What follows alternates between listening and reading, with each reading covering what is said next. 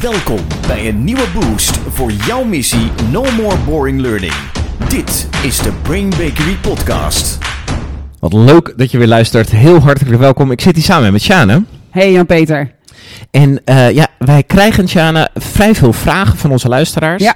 Over, dat, zijn, dat vinden wij goede vragen. Want ze zeggen, jullie prediken no more boring learning. Het moet niet saai zijn. Verslaande saaiheid. Juist.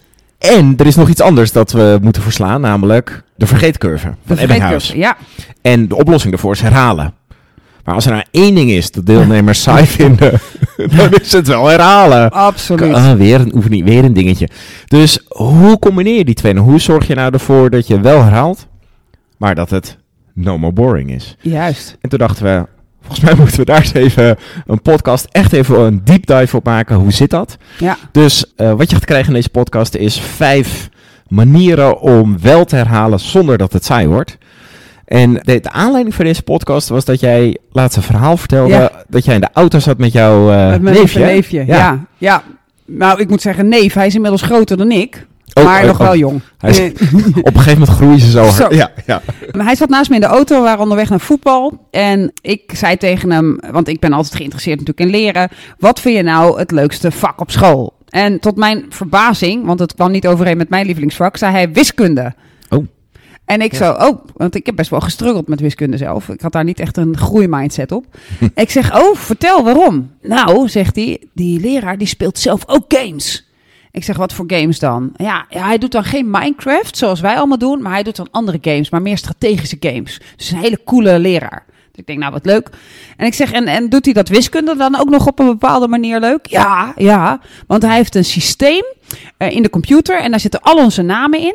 En dan drukt hij op een knop en dan selecteert die computer één naam en dan hoop je echt dat jij het bent. Ik zeg, oké, want wat krijg je dan? Ja, dan mag je voor het bord komen. Dus hier ging, hier ging mijn brein even een soort, zelfs mijn no more boring brein ging echt even op slot. Want ik dacht, je hoopt dat je voor het bord mag komen. Dat is toch juist de, de, de Dat wil je echt niet. Het omgekeerde is de sport. Dus ik zeg, vertel. Hij zegt, ja, want als jouw naam eruit komt, dan mag je voor het bord.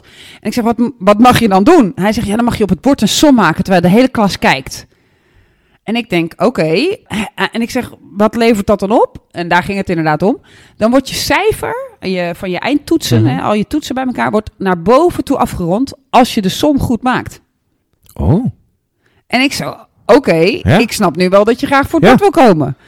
En ik zeg maar, ik dacht, er zit hier een adder onder het gras. Ja. Stel dat je het niet goed doet. Krijg je dan straf of zo? Niet. Je krijgt gewoon dankzij de computer de kans om even voor het bord te komen. Als je het goed doet, krijg je. eh, en als je het niet goed doet, dan word je geholpen. Dan weet de, de meester ook gelijk waar het, eh, waar het nog niet goed gaat. Die gaat dan helpen, zodat iedereen het op de toets wel goed doet. En je krijgt de kans dus om je cijfer naar boven af te ronden. Wat een lekkere manier zeg. Dus Ja. ik stel me nu voor, zo'n hele klas, weet ik veel, 25, 30 kinderen, die zitten, oeh, het gaat gebeuren, de computer gaat aan, we gaan herhalen. lekker. En ik hoop dat ik voor het bord mag Ja. komen. Ja. En ik denk dat dit echt een uitstekend voorbeeld is van hoe je herhalen sexy, leuk kunt maken. En niet kunt laten voelen als het traditionele herhalen dat je vroeger deed met een kopje thee met je moeder die zei de hoofdstad van IJsland, de hoofdstad van Zweden. En die al die Franse woordjes tegen je zei en dat jij de vertaling moest zeggen of andersom. Ja. Dus dat we allemaal zo'n ongelooflijke tyfushekel hebben gekregen aan herhalen. dat wij als trainers, als L&D'ers een soort repetition wizards moeten worden. Een soort tovenaars rondom herhalen. Waardoor we wel zorgen dat we onze hersens trainen. Maar dat het niet voelt als, nou, nog één keer even de definitie doornemen. Waardoor je echt denkt, ik wil dood. Jongens, eh, dat je, dat je, tegen, je deel, je tegen je deelnemers hoort zeggen... Ik weet dat het niet het leukste onderdeel is, maar, hè, we maar gaan het is het wel toch- verstandig. We gaan het toch maar even doen. Ja, ja, dat. Ja. Hey, ja, jongens, het is niet heel leuk, maar jullie weten dat het nodig is. Ja. Ja. Ja, dus eh, we duiken nog heel eventjes in. Waarom is dat Ja. herhalen ook weer zo belangrijk? Dat hebben we al in een eerder podcast besproken. Maar eh, even voor, voor als je dat niet hebt eh, gehoord. En eh, wat ik al Even nog herhalen. Leuk, leuk. Eh, en we gaan eh, dus vijf manieren delen eh, die ervoor zorgen dat mensen het herhalen. En als lekker ervaren Ja. en niet als boring. Ja. Dus laten we eerst nog maar eens even induiken in waarom is dat herhalen nou zo belangrijk. Want ik denk dat heel veel trainers en L&D'ers dat ook met hun boerenverstand wel aanvoelen. Maar de wetenschap is er ook wel duidelijk over. Ik noemde hem al even. Dat komt natuurlijk ook door de ontdekking van meneer Ebbinghaus. Ja. Hij ontdekte de vergeetcurve in 1885. Wat hij deed op dat moment was met allemaal zelfbedachte woordjes, dus woorden die niet echt bestaan, ging, die ging hij in mensen hun hoofden prenten. Vervolgens ging hij toetsen hoeveel weten ze er na bepaalde tijd. En vervolgens ging hij iedere dag opnieuw toetsen hoeveel weten ze er nu nog van. En toen bleek dat woordjes zonder betekenis, dat je daar na zeven dagen 90% van kwijt bent.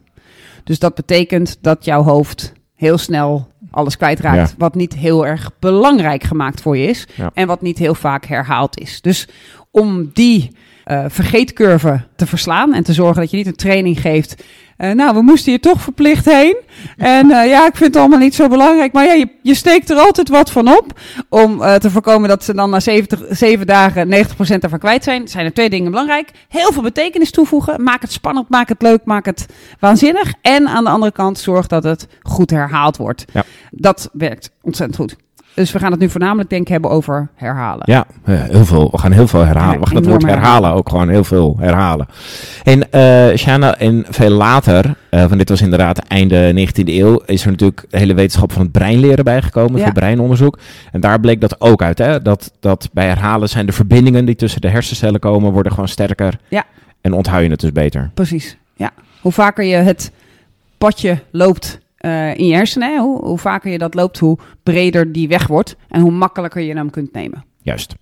Goed, vijf methoden die eh no more boring combineren met eh Ebbinghaus en breinleren, namelijk de kracht van het herhalen. Ja. De eerste methode is, die halen we natuurlijk uit het verhaal van jouw neefje Max. Ja. Ehm, dus dat is de methode dat jij in jouw training je deelnemers op een manier zo gaat stimuleren dat als zij iets komen voordoen, als zij kennis delen, dat ze dan bijvoorbeeld een extra punt kunnen verdienen of eh, een, eh, een, een hulpmiddel bij eh, een eind, eindopdracht die ze moeten maken. Maar in ieder geval dat er een beloning in het vooruitzicht Ja. zit. Eh, die ze ook echt voelen als beloning. ja. En niet alleen En niet, maar eh, een reep chocola of zoiets. Nou ja, tenzij je die reep chocola met woorden zo kunt omtoveren ja. dat iedereen de hele dag hoopt dat hij die reep chocola mag eh, verdienen. Maar iets, iets wat, waar, wat waarde heeft voor de deelnemer, zodat als ze een risico nemen en dus even herhalen, iets gaan doen voor de groep, dat ze daarmee iets kunnen verdienen, iets kunnen winnen. Ja, waardoor ze, net als jouw neefje, eh, op het puntje van de stoel zitten. En hopen dat ze gekozen worden. In plaats van dat ik. wegkijken en dan ineens heel druk schrijven. Dat deed ik altijd. Ook ga even iemand uitkiezen. Ja. Schrijven, schrijven en niet opkijken. Dat je dat voorkomt, maar dat je een soort hongerige ogen op je gericht eh, krijgt. Lekker, dus dat was de eerste. Die hadden we dus via het verhaal hadden we die al eh, te horen gekregen. Ja, ik wil daar nog één nuance op geven, Jan-Peter. Want ik hoor ineens luisteraars denken, dat is nogal kinderlijk. Want het Oeh, klinkt nu kunnen. omdat het uit Ja. school komt. eh, maar dit kun je ook echt doen met hoger management. Dus wat je dan doet, is dat je hetgeen wat zij kunnen bereiken, verandert. En je draait het zo om dat zij de held zijn als zij voor de groep komen. En juist bij hoger management is het vaak extra spannend, omdat de ego's daar soms Ja. nog wat strakker staan, om dat te gaan doen. Dus dit kan echt op alle niveaus. Mocht je denken, dit werkt alleen voor kinderen, zeker niet. Nee. Ehm, het werkt bijvoorbeeld ook met, eh, stel dat je met z'n allen hebt afgesproken dat je iets van een eindpresentatie doet, dat je daar vijf minuten extra voor krijgt, of dat je geen PowerPoint hoeft te maken of zoiets. Je kunt op allerlei manieren iets, iets belonends eh, geven voor een bepaalde Ja. actie voor de groep. Dat je hulp krijgt van een inhoudsexpert daarbij. Ja. Allemaal dat soort dingen. Heel goed. De tweede manier is een nou ja, vorm die, ook echt, die je echt kunt toepassen bij het eh, herhalen van, eh, van feitelijke kennis. Ja. Dat is de begrippenbokkel. Ja, die is uitgevonden, even lieve luisteraars, door Jan-Peter, de begrippenboggel. Je hoort ook de alliteratie, die Ja. heeft hij echt prachtig bedacht. Ach, ik hou Ja. zo van alliteratie. Heerlijk. Ja, hij, ehm, eh, ik heb hem bedacht af in de tijd dat we heel veel online gingen trainen. Ehm, eh, je moet in heel veel gevallen ergens wat feiten en kennis bij je deelnemers overbrengen. En je wilt dat soms wat basiskennis, ja, dat die er gewoon lekker in Ja. zit. Maar ja, je wilt niet als een schoolmeester, nou, vertel maar eens maar even. Ja. Vorige keer had ik het hierover, vertel dan maar eens eventjes. Dus de begrippenbokkel eh, is gebaseerd op het spelletje bokkel met die dobbelstenen. Wat je doet is een lijst met eh, namen van je deelnemers. Eh, op één plek, genummerd. En een lijst met begrippen die jij al hebt uitgelegd. Zinnen, valkuilen, tips. In ieder geval korte feitelijkheden op een andere lijst met nummers. En dan kun je in een live training echte dobbelstenen hebben. En in een online training zijn er allerlei tools waarbij je ook dobbelstenen kunt Ja. laten rollen. En eh, dan laat je dus de dobbelstenen rollen. En de combinatie van bijvoorbeeld deelnemer 5 met begrip 3 zorgt ervoor dat je zegt, nou, huppeldepup, eh Jan, leg begrip 3 nu even uit. En dat kun je zo doen, dus los doen. Je kunt er ook tijdsdruk op zetten. Dat je zegt, je hebt 30 seconden. Ja. Of, dat is ook een interessante werk bij mij ook goed. Dus je zet er wel tijd op, maar dan zet je er juist een wat langere tijd op. Omdat je wilt dat mensen juist wat langer over iets praten. in Plaats van, ja, dat was dit en dit. Ja. Punt. Je hebt een minuut om het uit Precies, te leggen. je hebt een minuut om het uit te Vijf leggen. seconden. Ja. Ja, ja, ja. En wat ik er nog aan toevoegde bij een online training, eh, omdat je ook wil dat ze een soort gevoel krijgen, nou, ik ben dit goed aan het doen, dan zeg je tegen de rest van de deelnemers, zet heel even je camera uit terwijl ze dit uitleggen. En als jij het idee hebt, nou, dit wordt lekker uitgelegd, ik, ik, ik hoor allemaal dingen voorbij komen die ik inderdaad herken, dan zet je gewoon gedurende die tijd zet je de camera weer aan. ja. Dus die deelnemer die ziet de hele tijd al die cameraatjes weer aangaan, waardoor die ook voelt, dit, hè, ik ben lekker bezig, Ja. ik ben, op een, ik ben eh, mijn kennis goed aan het herhalen. Ja, en in de begrippenboggel zit ik dan gelijk mee te denken. Dan heb je natuurlijk maar, omdat je een dubbelsteen hebt, heb je zes begrippen. Meer neem ik aan dat je niet wilt uitleggen, ook op een dag. Nee. Dus dat betekent als je twaalf deelnemers hebt, dan weten er zes, ik kom aan de beurt. Alle twaalf weten, ik heb 50% om niet aan de beurt te komen. Doe jij ook nog iets, zodat die zes die wel mogen, dat die een soort glorieus beter zijn dan de mensen die niet worden ge- uitgedobbeld? Ja, want ehm, dit doe ik, pas ik eigenlijk altijd toe in, eh, in trajecten. Ja, Dus degene die dan eh, de tweede keer dat we bij elkaar komen, eh, want dan ga je herhalen, ja. die dan zijn, die weten van, nee, de volgende keer komen er weer nieuwe begrippen, die hoeven dan bijvoorbeeld weer niet. Oeh, oké. Ehm, Want dan ben je geweest. Ja, en, Oh, dan, en dan zijn er ook meer begrippen. Ja, Dus als je eerder komt, dan is, Is dat in die zin makkelijker dan de tweede keer. Dus daarin bouw je die spanning op en ook wel de beloning voor de mensen die nu als eerste gaan. Ja, en je zou hem ook nog kunnen doen met een random chooser. Dat je zo'n random ding aanzet, waardoor iemand twee keer zou kunnen moeten. En ook iemand helemaal nul keer.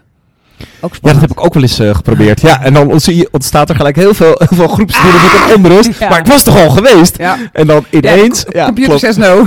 Ja, leuk, leuk. ja, dan zie je iedereen weer op het puntje van de stoel. Dus de tweede is de begrippenboggel. Oké, neem ons eens even mee naar nummer drie. Hoe kun je herhalen zonder dat het voelt als herhalen? Nou, daar zou je bijvoorbeeld de groep in twee teams tegen elkaar kunnen, eh, of in twee eh, teams kunnen indelen en ze quizvragen voor elkaar laten maken. Dat kan op allerlei manieren. Wij maken daar natuurlijk vaak eh, Ja. gebruik van via de app die iedereen inmiddels kent, via Kahoot. Ja, waardoor je ze ook echt achter de computer kunt laten zetten en ga ook maar echt die vragen maken. Dus het voelt ook veel meer als creëren dan bedenk in je hoofd een paar vragen. ja. Dus we bedenken quizvragen voor elkaar. Daar is een, wel een heel belangrijk element in. Eh, we zeggen altijd dat moeten niet de betuttelende feitencheckvragen zijn. Ja. Voor onze trouwe luisteraars, we hebben er eerder een podcast over Ja. opgenomen. Podcast nummer 11, over de soort vragen die je kunt, eh, kunt stellen. En betuttelende feitencheckvragen zijn voor degene die hem krijgt niet zo leuk. Ja, als je per se het quizje wilt winnen, ja. dan is het vaak wel lekker. Maar het leerrendement is, eh, is heel beperkt. Dus dat zijn meer vragen als...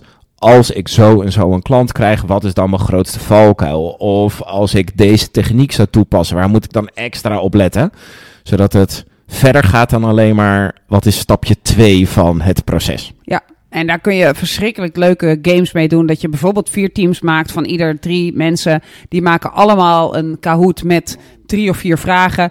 Wie het, wiens vragen het makkelijkst beantwoordbaar bleken, die vallen af. En dan gaan er nog drie teams door. Maar dan kun je nog een steal plegen. Doordat jij als teampje wat niet meer meedoet, toch de beste antwoorden ja. geeft. Dus je, je kunt hier echt eindeloos op variëren. En je zorgt ook nog dat je groep handig wordt in slimme vragen bedenken voor elkaar. Om elkaar goed op scherp te zetten.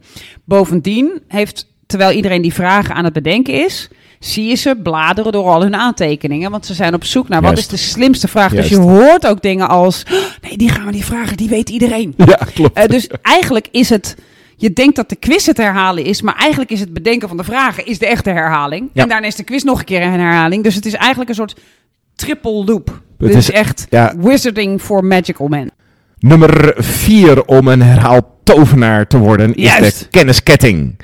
En de kennisketting, hoe die werkt, eh, die kun je zowel live als online eh, eh, toepassen, is je verdeelt weer je groep in een aantal groepjes. En je geeft ze allemaal content die natuurlijk te maken heeft met daar waar je ze voor traint. Dus je kunt ze een filmpje laten bekijken, je kunt ze een podcast laten luisteren, een artikel laten lezen, je kunt ze heel kort een interviewtje met iemand laten doen. Je kunt het zo gek niet verzinnen. Alleen dat zorgt al voor allerlei variatie. Ja. Uh, de opdracht is dan, om volgens eh, groep 1 heeft een podcast geluisterd. Die moet de, de belangrijkste kennis uit die podcast doorgeven aan groepje 2. Mm. Groepje 2 moet diezelfde kennis, zonder dat zij die oorspronkelijke podcast kunnen luisteren, weer doorgeven aan groepje 3. Ja. En ik denk dat veel luisteraars nu al voelen aankomen. Dit is gebaseerd op vroeger, bijvoorbeeld bij de kleuterschool uh, of de basisschool, had je natuurlijk dat je in een kring ging staan en dan moest je zo'n verhaaltje aan elkaar doorvertellen. En dan wist je aan het einde van de ketting. Uh, komt er een heel ander verhaal ja, uit. dan komt er ineens de apenkoppen sprongen in de sloot. Terwijl het toch echt begon met de burgemeester kuste de bruid. Ja. Dat soort. Nou ja, je gaat de ketting niet zo lang maken dat de kennis natuurlijk helemaal anders uh, wordt. Dus je hebt drie, misschien vier, uh, vier groepjes. En wat je ziet is dat de belangrijkste elementen van, van bijvoorbeeld die podcast of een TED-talk die ze hebben bekeken, dat die heel goed nog steeds worden weergegeven aan het einde van de ketting. Dus dit is handig voor als je de belangrijkste elementen van content goed wilt herhalen. Dus dit gaat niet op detailniveau, want die details die gaan ze waarschijnlijk weer vergeten. Maar de belangrijkste elementen van een model, een theorie, een interview, die worden heel goed doorgegeven. Het leuke is dus dat elk groepje herhaalt, als je vier groepjes hebt, herhaalt dus eigenlijk vier keer die verschillende content elementen. Want ze geven ze allemaal aan elkaar door. Cool. En daar kun je natuurlijk ook weer punten op zetten of iets leuks mee doen. Of zoiets. Of je, als je denkt van nou, dit, deze groep gaat niet aan op competitie. Uh, dan hoef je dat niet te doen. Mooi. Nee, nee je, kunt ze, je kunt ze elkaar ook weer laten beoordelen op kwaliteit. Hè. Dus dan kun je ze wel een soort oordeel aan elkaar laten geven. Ja. Uh, zodat groepje 1, als die zijn eigen kennis weer terug hoort uh, van groepje 4, dat die kan zeggen. Uh, wij vinden, wij, dit hebben we gehoord, dit was heel goed, dit hebben we gehoord. En dit ene belangrijke element, dat heb je wel genoemd, maar kon nog wat beter. Dus Ja. je kunt ze ook op kwaliteit een soort competitie erin doen, die veel minder voelt als de snelheidscompetitie. De vijfde en de laatste vergt wat van je als Ja. trainer. Het vergt ook wat voorbereiding. Ja, Uh, je kunt hem niet, niet uh, ineens doen. Hè. Je moet hem echt eventjes ook praktisch voorbereiden. En je op alle mogelijke soorten kennis kun je deze inzetten. Ja. Uh, op hoe je met klanten omgaat, op werkprocessen, op uh, modelstappen, op uh, systeemtrainingen. Daar kun je hem allemaal voor gebruiken. En hij is gebaseerd op het feit dat wij als ooit als volwassenen, als kind leerden uh, hebben geleerd om te spelen, om dingen te sorteren, om blokken in de goede gaten te doen in de blokkendoos. Daar is deze op, uh, op gebaseerd. Dus wat je doet is, uh, je, je zet alle kennis die je hebt op verschillende kaartjes, grote kaarten, kleine kaartjes, gekleurde kaartjes. En de opdracht is dat deelnemers die uh, bij elkaar gaan matchen. Of op een volgorde gaan zetten. Of de fouten. Je geeft ze steeds clubjes van drie of vier kaartjes. Welke is er fout? Welke moet je eruit halen? Dus het, het, is een soort puzzel, maar niet de klassieke legpuzzel, nee. maar een soort bij elkaar zoek- of sorteerpuzzel. Ja, je maakt eigenlijk een spel, iets eh, wat kan lijken op memory. Het kan uh, lijken op een puzzel dat je een heel model bij elkaar moet leggen, zodat het klopt. Ja. En wat er volgens mij heel lekker aan is, is dat het doorbreekt dat je zit en naar voren Yes. luistert, maar dat je gewoon kaartjes krijgt met elkaar en dat je met elkaar in discussie gaat welke moet waar, hoe zit dit ook alweer uh, en dat je daarmee de hersenen eigenlijk aanscherpt volgens mij op het onderwerp, maar ook nog uh, zorgt dat je het hercreëert, hè? want je legt het uit in de realiteit waardoor het ook nog weer versterkt wordt en uh, dat je elkaar daar ook een soort betekenis aan geeft, doordat je met elkaar in gesprek bent erover. Want neem aan dat je dit inderdaad in groepjes ook weer laat doen, zodat ja. er goede discussie plaatsvindt. Ja, ja en de, het, aantal variaties hierop is ook weer eindeloos. Je kunt Ja. dit in een heel rustig tempo doen, waar mensen wat meer reflecteren op uh, hoe zit dit ook alweer. Ja. Uh, je kunt het ook in een heel hoog, heel gamified omgeving doen. Uh, met teams en rondes en tijdsdruk en punten en valstrikken erin. Ja. Dus je kunt voor elke doelgroep kun je deze weer gebruiken. Ja, ik doe hem bijvoorbeeld in de trainer-trainer jaartraject. Dan hebben we op een gegeven moment de zeven belangrijkste modellen van de opleidingskunde gehad. Uh, die heb ik dan op allemaal kaartjes uh, gedrukt. En vervolgens vragen we, vraag ik, leg, leg al die modellen eens bij elkaar. Dus allemaal dingen met jaartallen, met omstandigheden, ja. met dingen. En uh, dat doen ze dan in twee groepen. Hele mooie discussies ontstaan dan. En daarna doe ik dan echt gewoon een verdiepingsvraag. En dan zeg ik, ga nou eens met elkaar in overleg dat als je een traject gaat maken... En je gaat beginnen, vanuit welk model begin je dan te denken? Er is geen goed antwoord. Maar ho- hoe zouden jullie dat doen? Wil je dan beginnen vanuit dit model of beginnen vanuit een ander model? En dan die twee groepen gaan vervolgens dan met elkaar uitwisselen. Wij zouden beginnen bij dit model. Oh, jullie beginnen daar. Vertel eens. Ja, en dat verdiept de kennis als een malle, terwijl ze eigenlijk gewoon aan het herhalen zijn. Juist. Ja. Maar je kunt herhalen zo aantrekkelijk maken dat het niet voelt als, Als herhalen. herhalen. Dus eh, dit waren de vijf methoden. Die ga je eh, niet herhalen, denk ik. Die ga ik tuurlijk herhalen. Dit waren de vijf methoden. Dus je kunt, eh, gebaseerd op het verhaal van de neef, eh, neef, neef grote neef van Shana. Ja. eh, dus een soort extra beloning voor als je voor de groep iets voordoet of iets, eh, iets eh, uitlegt. Eh, we hebben de begrippen bokkel. eh, eh, de teams die slimme, vernuftige eh, quizvragen eh, voor elkaar, tegen elkaar eh, maken. Eh, de kennisketting en de puzzel, de matchpuzzel, de sorteerpuzzel, de opvolgorde ja. Puzzel, precies. En zo kijkt Ebbinghaus vanuit het verleden naar ons toe, vanuit 1885. En hij zag dat het goed was. En hij zag dat het goed was. en zo denk ik dat wij horen dat het eh, goed was. no more boring repetition, Ja, jongens. ja. bedankt voor het luisteren. Als je een reactie hebt, laat hem achter onze socials of via Speakpipe. Je kunt de spraakberichten insturen. Als je luistert via de podcast hebt, laat lekker 5 sterren achter. Daar wordt iedereen weer heel blij van. Dank voor het luisteren en heel graag tot de volgende keer. No more boring learning. Dit was de Brain Bakery podcast. Wil je meer weten? Kijk dan op brainbakery.com of volg ons op onze socials.